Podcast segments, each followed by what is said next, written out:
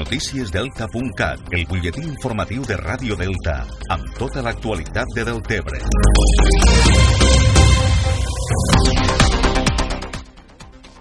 El govern de Deltebre treballa ja amb l'elaboració d'un pla d'acció 2020 per tal d'adaptar els pressupostos a la nova situació de crisi social i econòmica que deixarà l'alarma sanitària del Covid-19 i fer front també a les accions de recuperació del temporal Glòria, que han quedat totalment aturades amb l'arribada de l'alarma pel Covid-19.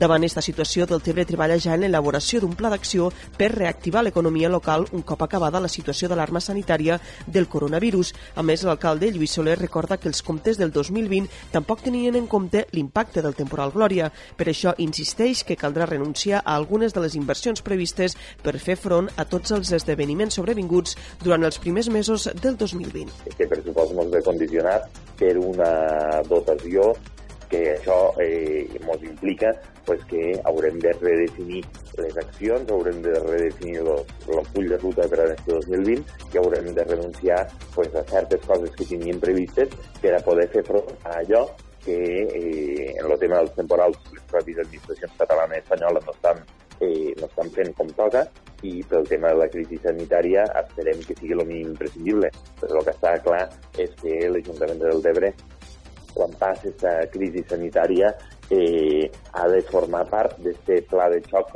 social i econòmic a les empreses, als comerços, a les persones i als col·lectius que ho necessiten. Cal recordar que Deltebre ha posat en marxa ja 22 mesures per a fer front a l'estat d'alarma pel coronavirus. Més qüestions. La regió sanitària de les Terres de l'Ebre posa en marxa a partir d'avui una nova reorganització a l'atenció primària amb el tancament dels CAPs de Sant Jaume d'Enveja i del Perelló. En el cas de Sant Jaume, tota l'atenció es centralitzarà al CAP de Deltebre, previ contacte telefònic al 977 48 96 91 i que només atendrà les demandes urgents i inajornables. En el cas del Perelló, l'atenció es centralitzarà al CAP de l'Ametlla. I només temps per afegir que en les darreres hores s'han confirmat 5 nous positius per coronavirus virus a les Terres de l'Ebre que eleven a un total de 33 les persones afectades pel Covid-19. Ampliat fins al 15 de maig el termini de presentació de la DUN, la Declaració Agrària 2020, a través de la qual els pagesos poden sol·licitar els ajuts de la Política Agrària Comuna 2020. Cal recordar que el termini de presentació va començar el passat 1 de febrer i estava previst que la campanya finalitzés el 30 d'abril, però davant de la situació excepcional d'estat d'alarma provocada pel coronavirus, el Ministeri d'Agricultura va ampliar el termini fins al 15 de maig i ara des del Departament d'Agricultura de la Generalitat s'està tramitant ampliar encara més este termini de sol·licitud dels ajuts i tràmits de la DUN fins al 15 de juny. Més qüestions, la residència de la gent gran, l'onada de Deltebre, viu amb tranquil·litat i alhora preocupació la situació de crisi sanitària pel coronavirus que té entre la principal població de risc, la gent gran i el personal sanitari i d'atenció.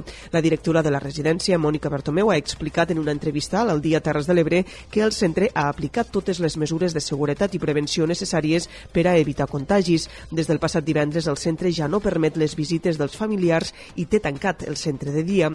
Segons Bertomeu, malgrat no es permet les les visites hi ha un contacte permanent entre usuaris i família a través del contacte telefònic i telemàtic fer tota una organització en quant a trucades uh -huh. i en quant a videotrucades i el que fem és que ells se parlen en les famílies en un horari establert predeterminat perquè llavors, uh -huh. però per no bloquejar la centralitat i que tots puguem parlar, uh -huh. intentem que estiguen en contacte amb la família, però en totes les noves tecnologies.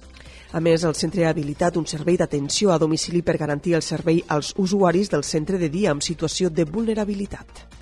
El grup Lonada el que ha fet és que ha volgut que aquesta gent que estigui a casa, que és vulnerable, perquè és gent molt dependent i gent que a la millor les famílies no poden acudir tot, donar els serveis que toca, per exemple, nosaltres de la gent que venia del centre de dia, estem fent tres àpats a domicili i llavors estem fent un sac de dutxa. Des de l'onada del Tebre es fa també tallers de premsa amb els interns de la residència per explicar-los la situació d'alarma i crisi sanitària que es viu amb el coronavirus i el motiu de les restriccions en el dia a dia de la residència. Això és tot per ara. Ja saben que trobaran més notícies, com sempre, al portal deltacat.cat.